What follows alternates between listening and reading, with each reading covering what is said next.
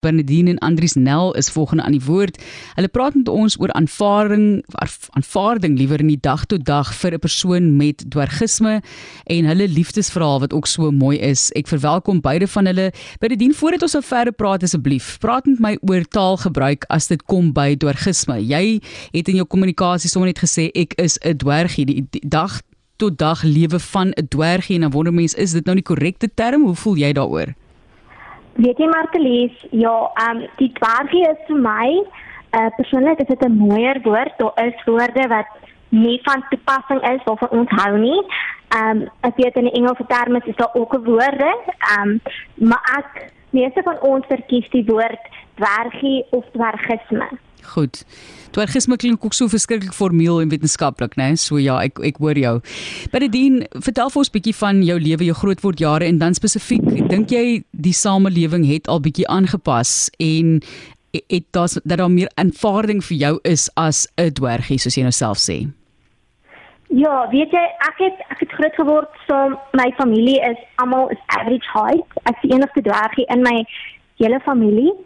Um my ma het my groot gemaak dat ek by die lewe moet aanpas. Nie die lewe by my nie, want ek meen dit is onmoontlik dat die lewe by my moet aanpas. Um so ja, nee, kyk, dit was moeilik, maar ons werk om dit. Jy jy skuif hier, jy skuif daar, jy sit 'n trappie hier, jy jy jy maak aanpassings. Um en ek dink dit was die beste ding wat my ouers my kon leer is om by die lewe aan te pas. Um ja, Maar dit dien ek moet sê ek gaan nou so 'n bietjie met jou gesels oor my ervaring ook want ek dit is hoe ek dit nou baie keer in die lewe ervaar met mense. Jy weet as ek nou in my kar klim en ek laai my rolstoel in Vaderland, mense kan staar. Dis iets verskrikliks. Jy kan nie in 'n kamer inloop of in 'n saal inloop en net anoniem wees nie. Jy weet al weet mense nie wie jy is nie. Jy's nou nog steeds 'n persoon in 'n rolstoel. Jy kom nou daarin en mense sal letterlik vir jou sit en staar. Ervaar jy dit ook en hoe hanteer jy dit of ignoreer jy maar net te gaan aan? Weet jy maar Elise, dit is elke dag ding. Ehm um, ja, ons ons het nou al geleer om aan te gaan met dit. Dit help nie jy hoe hou vir my kyk, o wat kyk jy nie want almal almal gaan kyk. Jy's uniek, jy's anders. Ehm um, die eerste keer toe Andri saam met my motor toe gegaan het, te sê vir hom Andri, wees bewus die mense gaan kyk. Moenie vra wat kyk hulle nie. Ehm um, moenie ek goed vra nie. Na na ons hele tripie sal ek jou verduidelik. Hulle kyk na my. En dit is iets wat jy aangewoon moet raak. Ehm um, ons is nou al so in dit as ons sien mense neem so op skelmpies se foto, dan verander dit sommer gaan en sê, "Wie 'n foto van my dan neem?" Sy sy byt nie jy kan 'n foto van met neem en so ons is nou so in die gewoonte van dit ons sien dit nie meer raak nie. Maar die mense wat dit nou nie gewoond is aan dit is vriende van ons as hulle saamloop en sê wat? Kyk jy mense is hulle niks gewoond nie? So ons is vir ons so ehm elke dag se ding. Maar mense wat nou nie elke dag saam my is nie is dit maar aanpassing. Ja Ja, ek sê vir jou dis eintlik regtig belaglik om mense om regtig 'n stielfoto van jou te probeer neem. Dis verskriklik binne dien, maar Andries, vertel vir ons 'n bietjie van die liefde jong en die manier hoe daar gekyk word na 'n persoon soos binne dien, jy weet die, die oomblik as jy kyk na iets soos dwergie of dwergisme of of ander kom ons sê iets wat nie uh, gesien word as normaal nie, dan word 'n persoon se se mens wees eintlik heeltemal aangetast. Jy is iewers skielik nie meer 'n vrou nie. Al daai tipe van dinge. Hoe het jy vir binne dien ontmoet en verlief geraak op hierdie borrelende mens wat ons na luister? Ag, ehm, um, wie maar toe dis on die glo nie, maar ek en dan dit aanlyn ontmoet.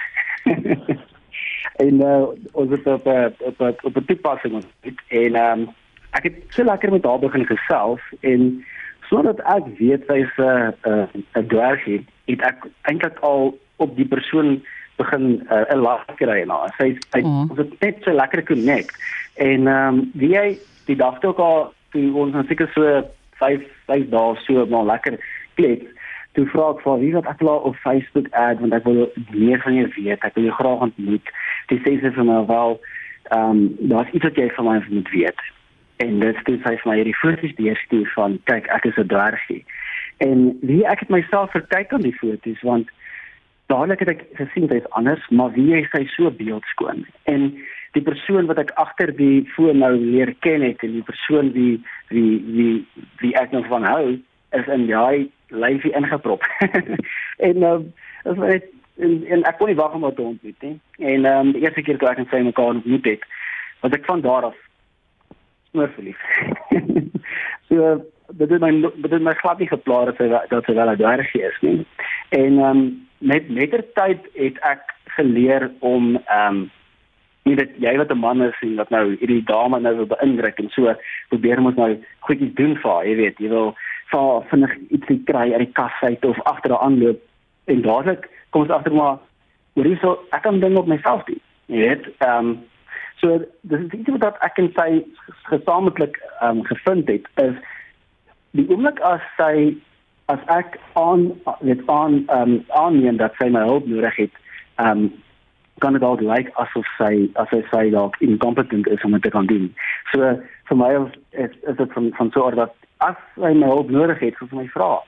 En ehm um, in ons huis ook, ehm um, daar is sekere plekke waar ons waar ons trappies het en waar ons ehm um, as ons in die winkel stap, dan sal dit my sê, "Kyk, sien jy daai tomatiesous bottel daarbo? Kry dit vir my?" Dan haal ek dit vir af. So ons doen baie dinge saam en dit is vir my verskriklik lekker om dinge saam te doen. Ehm um, in terme van stereotipering, ehm um, jy het vroeër jare was dit maar baie moeilik geweest vir mense wat kort is en uh, liggaamlike uitdagings het om om ehm um, mobiel te wees. Ehm um, waar dit vandag baie makliker en beter is met die tegnologie karre wat wat power steering het. Ehm um, so in vandag se tyd sien ek nog steeds dat dit is 'n uitdaging wanneer dit kom by ehm um, outomatiese autotellers wat wat nie aangepas is vir mense wat kort is nie. Ek dink jy sien jy kan ook daarmee vergelyk maar te lees.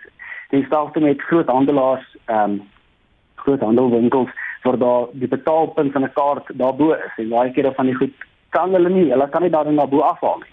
So dan moet dan moet dan moet ek saam gaan en dan moet ek al betaal en dan aangaan of enigiemand anders ook.